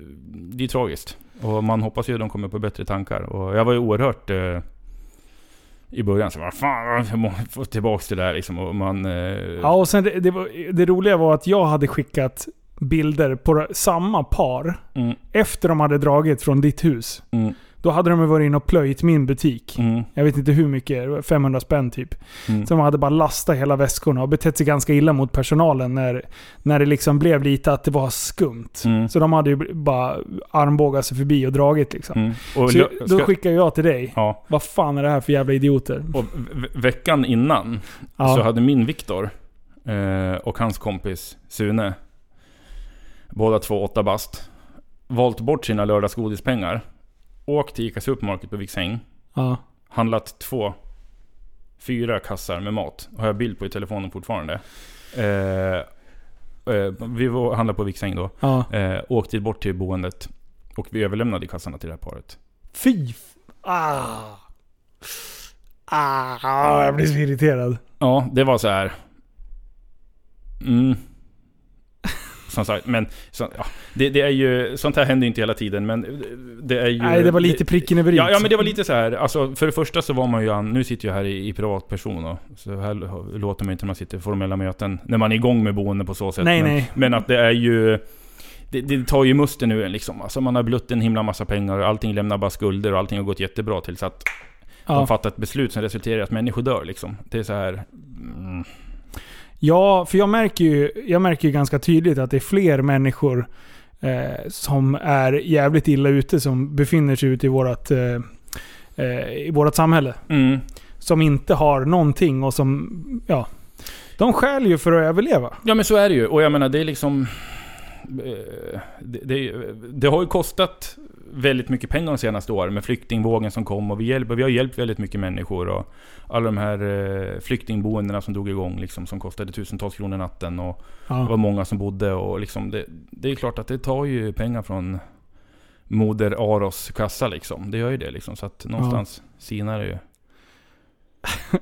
Du, eh, eh, jag vet även att du har eh, haft, eh, stött på lite spännande fynd när du har haft boende, eh, bott, bott hos dig. Eh, diverse eh, typ av vapen och, och sådana grejer som du har tagit ifrån boende. Ja. Är det någonting du kan prata om? Ja, alltså lägger du upp det så här så känns det lite dumt att säga att nej. Nej jag skojar. Nej men det är klart att det, det dyker upp. Alltså det är ju folk... eh, Det var ju snabba beslut eh, förut. Det var, det var ju kanske dumstridigt också från socialtjänsten. Eh, Men att det var ju liksom, ja men du fan, eh, han är i behov av en vårdplats nu liksom. Han är nere på stan och här är hans nummer, så ni kunna hämta honom. Ja. Så hämtar man ju liksom Pelle och Stoffe. Liksom står med hockeytrunken och sen så... Så in på boendet liksom. Och, och jag menar, det var som sagt, vi var inte någon institution om något slag, att, något fängelse, utan att vi jobbar ju med alltså, en fam familjär känsla. Det var en mjuk känsla där borta. Liksom, Ja. att vi, vi, försöker, vi vill ju hjälpa människor. Men då, i missbruket, alltså det är, de, folk är ju beväpnade. Alltså det, är- det är ju stickvapen och det är batonger och det med fjärde. Och i vissa fall skjutvapen också. Så att det är ju, man, man stöter ju på allt från ja, svärd till ja, lansar. Nej. Så sjukt. Ja, jo, men visst är det så. Det, det gör det ju. Ja. Men det är ju bra ändå att... Eh, och sen fångar ju du upp det där och lämnade över till eh, the long arm of the law. Så att säga.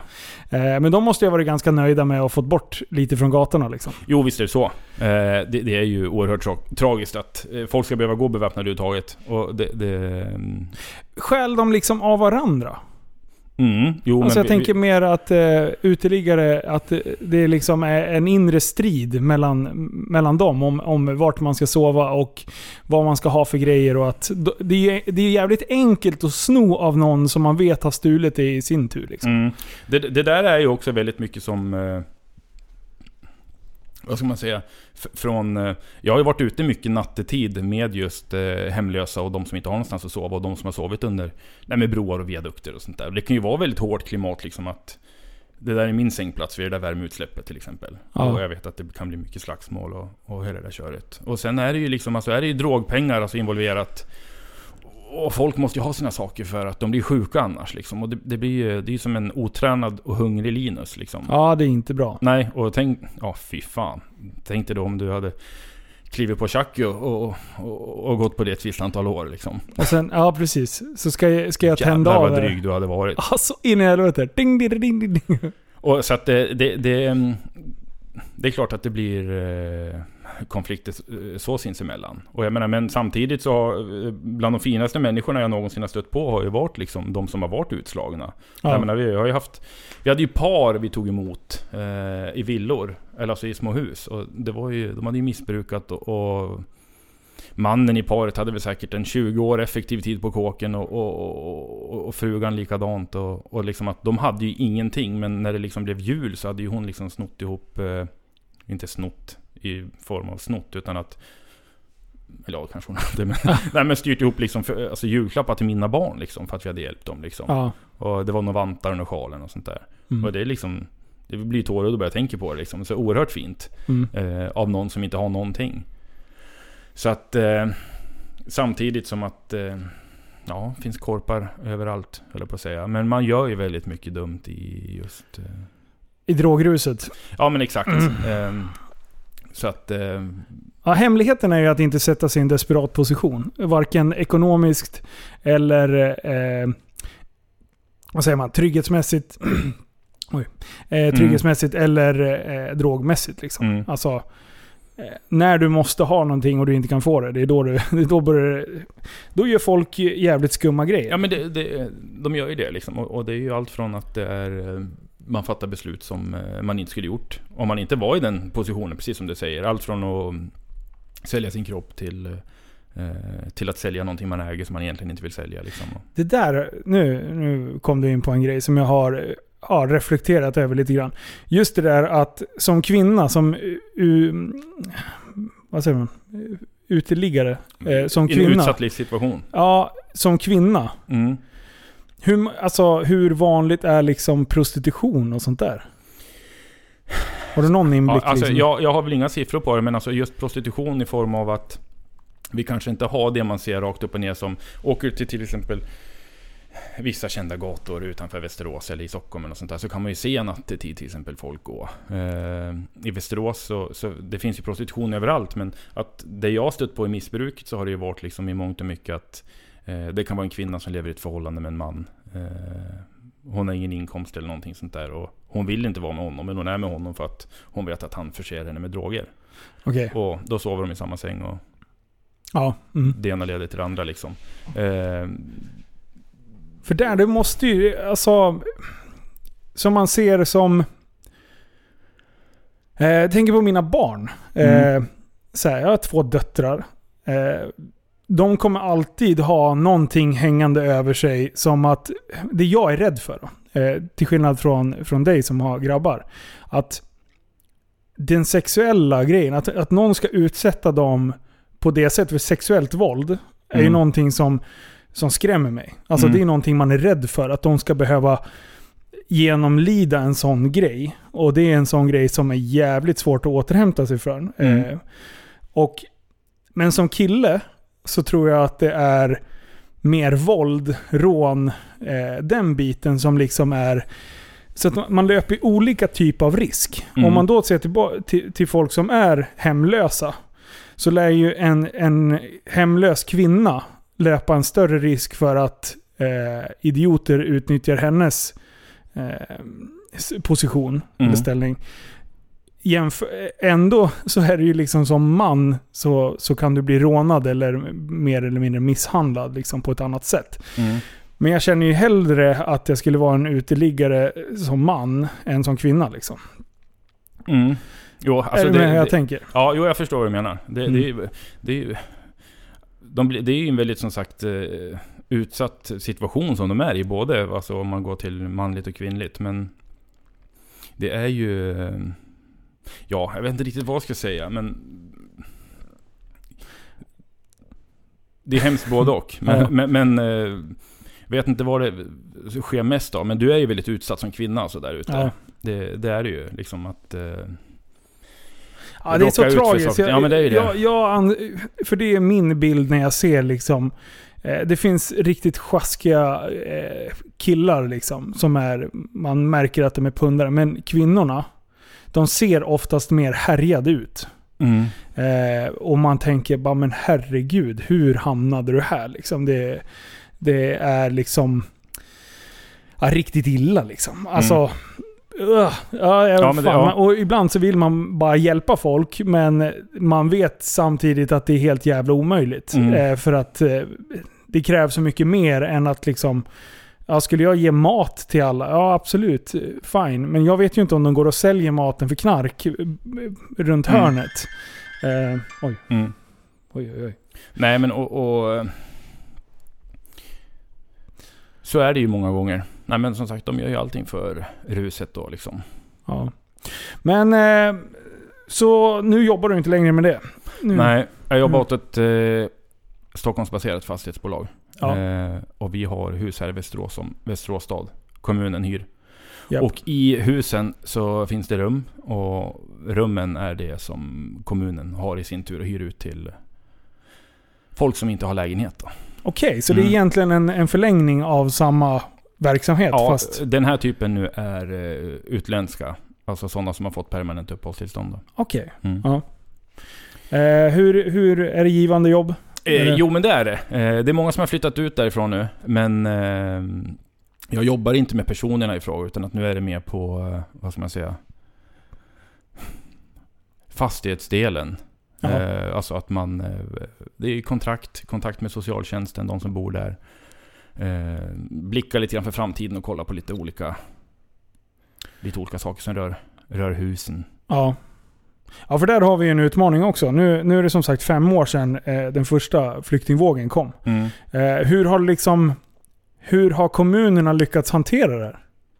Har du någon inblick om hur, hur det går? Alltså för, för det var ju väldigt mycket snack och man, man såg mycket i media och liksom så. Mm. Eh, men sen har det ju varit ganska tyst. Mm. Alltså det, det pratas ju inte längre om det. Jag vet inte om... Det, men det är ju för att det är val på gång nu ju. Ja, Då eh, gissar jag väl att det tystas ner mycket. Alltså de, de lägger inte fokus på de här negativa sakerna. ah, okej. Eh, tyvärr så är det väl så. Ja. Eh, men jag, jag, jag tycker hemlösheten är ju, är ju relativt stor för att vara en, en stad som man tycker ska kunna fungera. Ja. Eh, jag vet ju att vi snittade ett väldigt stort antal som bara kom och sov i våra fastigheter nattetid liksom. Och det är sådana som man önskar var, nej men, hade någonstans att bo, ska säga. Ja. Eh, Så att, ja, det, det är svårt. Som sagt, det, det, det kommer ju, jag tycker naturligtvis man ska hjälpa folk. Men det, som sagt, det kommer ju väldigt mycket nytt till staden. Liksom, och det, Mm. det tar ju tid att ta reda på vilka alla är. Och, och, ja, men som man har koll, Mm. känner jag. Det, det är liksom...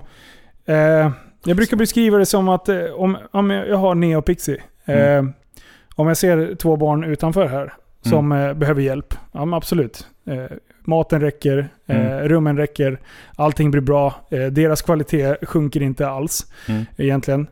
Sen kommer det två barn till. Ja, och då börjar det bli lite så här, ja men då, ni får inte äta lika mycket. Eh, Mm. ni, får, eh, ni får sova skavfötters eh, och det. Och sen kommer det två barn till. mm, Då börjar det bli liksom, alltså någon, någonstans finns det ju en gräns för eh, hu- hur, hur kvaliteten för eh, för grunden finns. Eller Mm. ja, Ja. hur fan ska jag beskriva det? Eh, du fattar ungefär vad jag menar. ja. Och det tänker jag med, med skolgång och allting. Liksom. Mm. Eh, vår, skolan är ju som sagt en utmaning, har varit en utmaning även när vi var små. Mm, Eh, jag gick ju på en skola på Vallby där vi var tre stycken icke-syrianer i våran klass.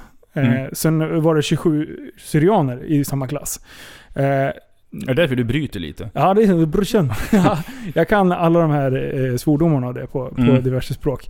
Men, eh, och- och det var ju jävligt intressant. Mm. Alltså, nu är syrianer, jag fan älskar syrianer för Mm. de är fruktansvärt drivna. Ja, det, det är Eh, företagsamma människor. Verkligen. Mm. Alltså, de, de som jag gick i samma klass för, det, det är antingen, antingen de blir frisörer, driver egna företag eller...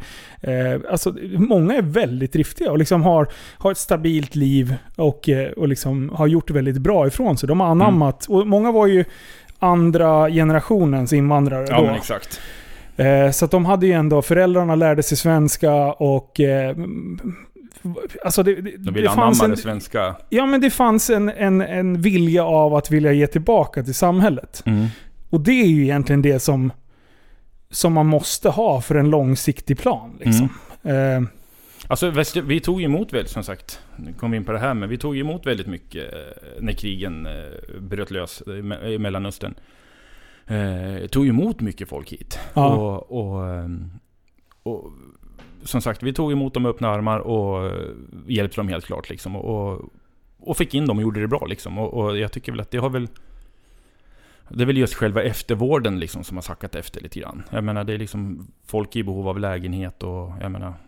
Snittpriserna på en lägenhet nu var väl typ på 11 000 eller något sånt där. Det går ju inte om du har eh, alltså ekonomiskt bistånd från socialtjänsten. Liksom.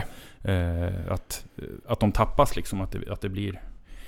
Folk driver runt på stan om man ska säga. Ja. Ehm, så att man eh, jobbar lika hårt i början för dem, som, eller i slutet som man gjorde i början. Liksom. Japp. Och det där är, det där är ju klurigt. Alltså jag, jag som tar emot mycket praktikanter och det på jobbet. Eh, tar emot mycket utländska, alltså med ursprängt, urspr, utländsk härkomst Mm. och även svenskar. Eh, och det där, det, det har någonting med vad du har för personlig eh, preferens av hur, hur bra du vill göra ifrån dig. Mm, jo, Det finns liksom ingen, det, det, finns inga, inga, inga mönster som tyder på att den vill det och den vill inte det. Mm. Eh, men jag har ju haft alltså, eh, helsvenska elever som, eh, som har sökt jobb liksom efteråt och jag har pratat med dem. Ja, men hur går det liksom? Mm. Som bor fortfarande hemma. De är 23 barre. Eh, de har svårt att få jobb. De har liksom ströjobbat lite. De vill, deras största eh, grej är att de vill flytta hemifrån och så här. Fan, jag lider ändå med dagens ungdomar. För när vi var unga, då Mm. fanns det ändå lägenheter att söka. Ja.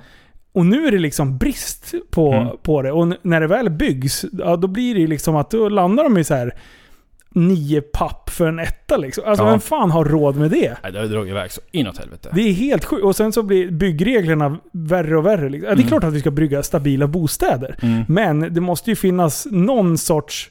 Det måste vara bättre att det finns en bostad med lite sämre kvalitet, lite tunnare väggar eller vad fan som helst. Ja, för att det ska finnas någonstans att bo liksom. Mm. Eh, nej, jag, jag vet inte. Jag, det, jag är glad att inte jag är politiker. Mm. Jag är fruktansvärt glad att jag att jag inte är politiker. Mm. Samtidigt är jag jättenyfiken på hur de här politikerna ska lösa det här. Det är ju ett... eh, ja, det, mm, det, det blir ju en... eh, det, det är en gåta faktiskt hur de ska knyta ihop den här. Och nu avviker ju han också. Han eh, Anders. Vem är det? Sven, en Västerås Ja politiker? men han... Eh, hövdingen. I Västerås? Ja. Ja, jag vet inte ens om det är. Ordförande. Anders... Okej. Eh, han socialdemokraten. Anders... Jo men det var... Det, Ja, du det kan- vet ja, jag. ja. Nej men så att det, det är ju... ehm, Men som sagt, det, är, det, det blir massa gjort det- lösa trådar. Det är ju rysk kyrka och det är det ena med det fjärde och liksom och det är... Ja, just det. Hur går det för ryska kyrkan då? Är den Jo. bra? Den byggdes ju... Det var, det var jätteroligt. Vilken fräsig kyrka. Alltså det där, det där är ju... Nu har inte vi pratat om det här alltså, men... Alltså, vi sökte ju bygglov på vår egen mark. Ja, På, vad heter det? Nu måste jag pilla på någonting. ja nu är han arg. Nej, men, nej, nej, absolut inte. Eh, vi sökte bygglov på vår egen, egen mark där borta på Hässlö. Ja. För att vi i kontakt med socialtjänsten skulle ha sett upp så här, eh, vad heter det? Villavagnar. Ja. Så att man kunde ta emot eventuellt eh, pappa med barn eller mamma med barn eller någonting sånt där. Ah, ja. Men vi fick inte bygglov på vår egen mark. Jag tänkte det var lite konstigt. I samma veva så, två dagar senare så har de ju byggt upp eh, byggt en rysk kyrka på ja, ett stenkast därifrån liksom. Ja. Som inte vi har sett. Och jag gick in och kollade och tänkte vad fan. Jävlar vilket eh, schabrak liksom. Ja, nej det kan inte vara en rysk kyrka. Så jag åkte dit och sen så... Den ser onekligen rysk ut. Och så ja, det gör den. Ja, kolla, Det är lilla Kreml. ja, crème de la crème. ja, precis. Ko- Ah. och kollade liksom eh, bygglovet och de fick eh,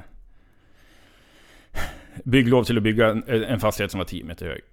Ja. Ja, och jag tänkte, nej vad fan den är ju inte 10 meter. Och sen så Nej, någon dag senare så stod det i tidningen att den var 22 meter. Ja. Men det var ju liksom ingenting som behövdes ta bort utan att de fortsatte ju bara bygga. Eh, jag ska passa på att säga det till alla ryssar att jag är glad för er skull. Så att det är bara att utifrån mitt bygglov som jag... Ja precis. Ja. Marcus är bara bitter. För Ja, att han exakt. försökte gå den normala Ja vägen. exakt. Ja, och, Han skulle ha eh, ful, fulhandlat in Ja men och sen så fick man ju, läste man ju i tidningen om att det är byggnadsnämnden, hans fru, var ju med i kyrkan och det ena med det fjärde liksom. Så Ja. det är ju... Det, det är inte ryssarna som är maffia utan att det är kommunen. Ja. Alltså det, det, man, det, det är liksom, det är ju... Du kan ju inte köra över Försäkringskassan och... Nej. Och, och kommun och, och stat och sådana saker. Ja, det är spännande. Nej men så att... eh, Och, nej men det fortgår ju. Men sen tyckte jag det var konstigt i och för sig att de fick eh, så pass nära flygplatsen. Det var mycket härj för er som bor i Västerås, så, så har ni säkert hängt med på det. Men det är en jävla fräsig kyrka, så det, det är ändå en sevärdhet. Ja, eh, och jag att menar, hörde ihop med att de helt plötsligt ville slå igen flygplatsen. Och liksom, det är många som har börjat spekulera sådär nu. Ja jävlar ja. Ja, att det är så. Och sen helt plötsligt så avgår den här tomt... Eller han... Tom, Thomas trodde du att han hette? Det var Nej. det du sa. Eh, ja, Nej, exakt. Ja, men, ja, Mm, exakt. mm. Så att eh, man, man undrar ju liksom... Det, folk köper mark runt omkring. För det är mycket som händer om de häver... Alltså, lägger de ner flygplatsen, då eventuellt blir det ju tillåtet med permanentboende på, eh, på Hässlö som område. Och då stiger ju alla fastigheter i värde. 40%. Aha! Så att det är ju lite Hamilton över det hela. Det finns alltså en ekonomisk eh, eh, fördel för några om Mm. eh, flygplatsen lägger ner. Ska passa på att säga att jag har varit ganska mycket på Hamreplanen i och med att mina barn spelar fotboll där. Ja. Och då någon gång har det hänt att jag gått upp i skogen och kollat hur det går. Ja. Då har jag till och med blivit jagad utav drönare. Är det sant? Ja, det har kommit upp. Nice! Ja, jajamän. Ja, är det spännande. Man Jag har inte... kulhål i mitt fönster på jobbet. Så. Är det så? Ja. det är bra, det lär inte bli värre nu. Eller Nej. bli sämre nu. Du, eh, jävligt spännande eh, att snacka lite med dig om, om de här grejerna. Eh, vad framtidsmässigt då? Det, du fortsätter grinda på ditt nya jobb. Ja, det här, fast, eh, det här företaget som jag jobbar åt nu. Eh, de köpte ju ett hus eh, där på Hässlö som jag var involverad i. Ja.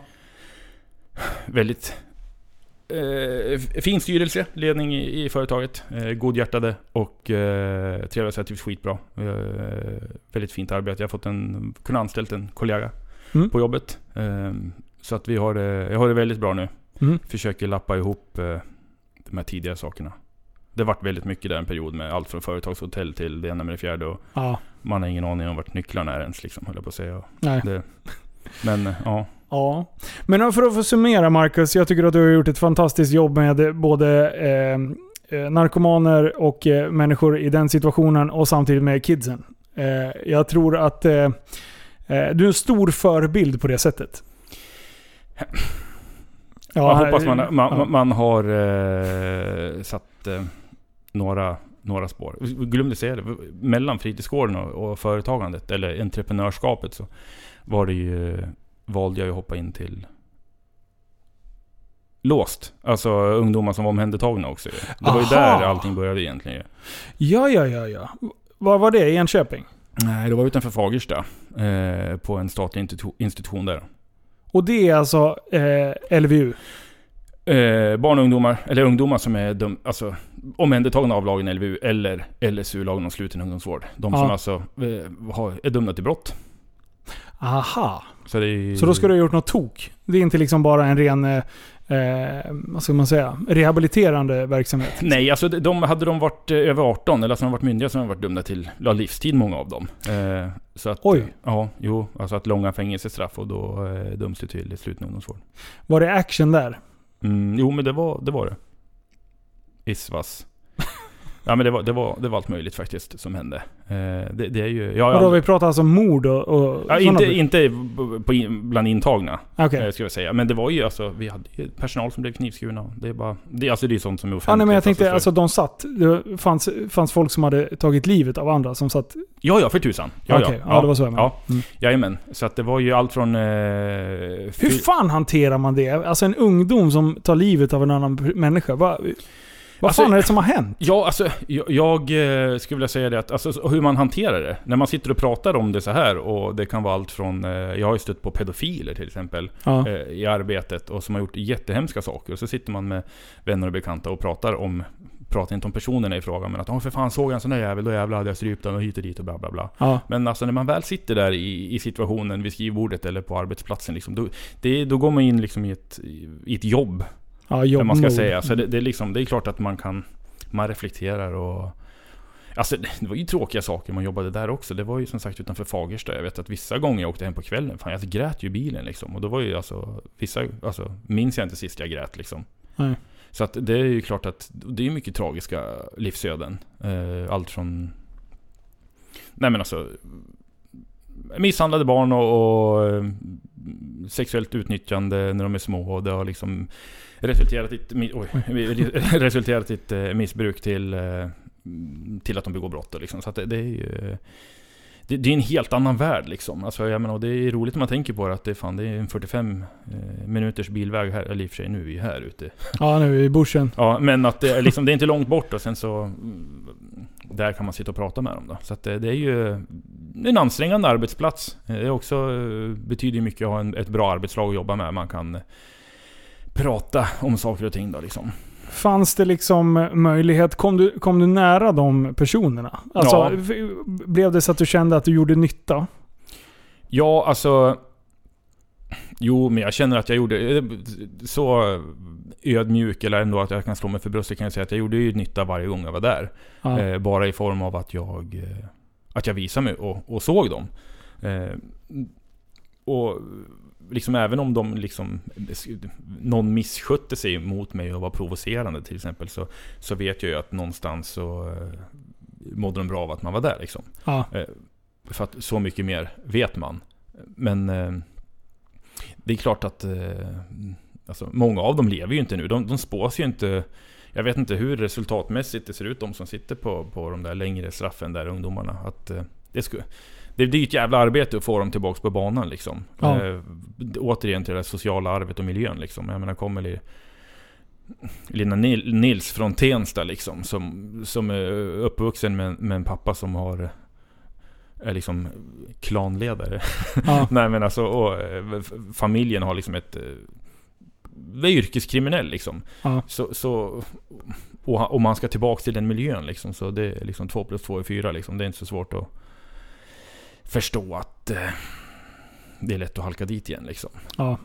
Så att eh, det är väl också, det får vi ta någon annan gång, men alltså, det är väl också det som jag har spånat lite grann i just det med socialtjänsten, när man jobbar över gränser liksom, och hur man ska liksom kunna lösa lite sådana där Ja. saker. Jag menar, du, du blir ju som du umgås. Ja. Alltså umgås du och jag en hel dag så då blir vi lite framåt. Då hade vi antagligen varit ganska påfrestande mot våra respektive på kvällen om vi satt här liksom. ja. Sa, sa, samtidigt som du...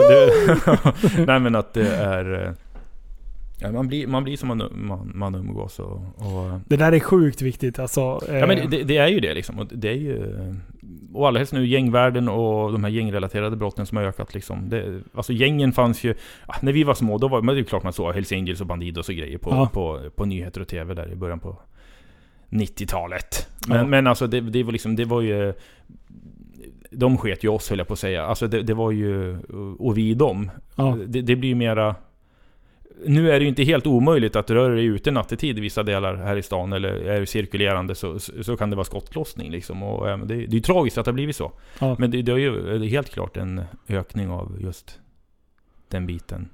Och sen folk spekulerar i om, ja men man vet om det mer nu bara för att det är sociala medier som sprider och, Men alltså, eh, ja vad fan var Ja, i svängen förut. Men argument. alltså det, det, det är ju mera liksom, eh, det kommer ju också in på det här med öppna gränser och gamla baltstaterna och vapen som kommer in och redan med fjärde liksom. Så att, eh, Om du säger så här då. För 15 år sedan kontra nu. Är Mm. det lättare nu att få tag på ett vapen? alltså, vad skulle du vilja ha för någonting? nej, jag ska, nej men alltså jo men... Eh, Alltså som, som, som ett exempel. Jag menar om du tittar på skjutningarna nu. mm. Det är ju inte med, det är inte med jaktgevär direkt man skjuter. Nej, alltså jag tror att eh, för 15 år sedan, var du i den världen, Ja, eh, så kan du ju få tag på vapen. ja, Eh,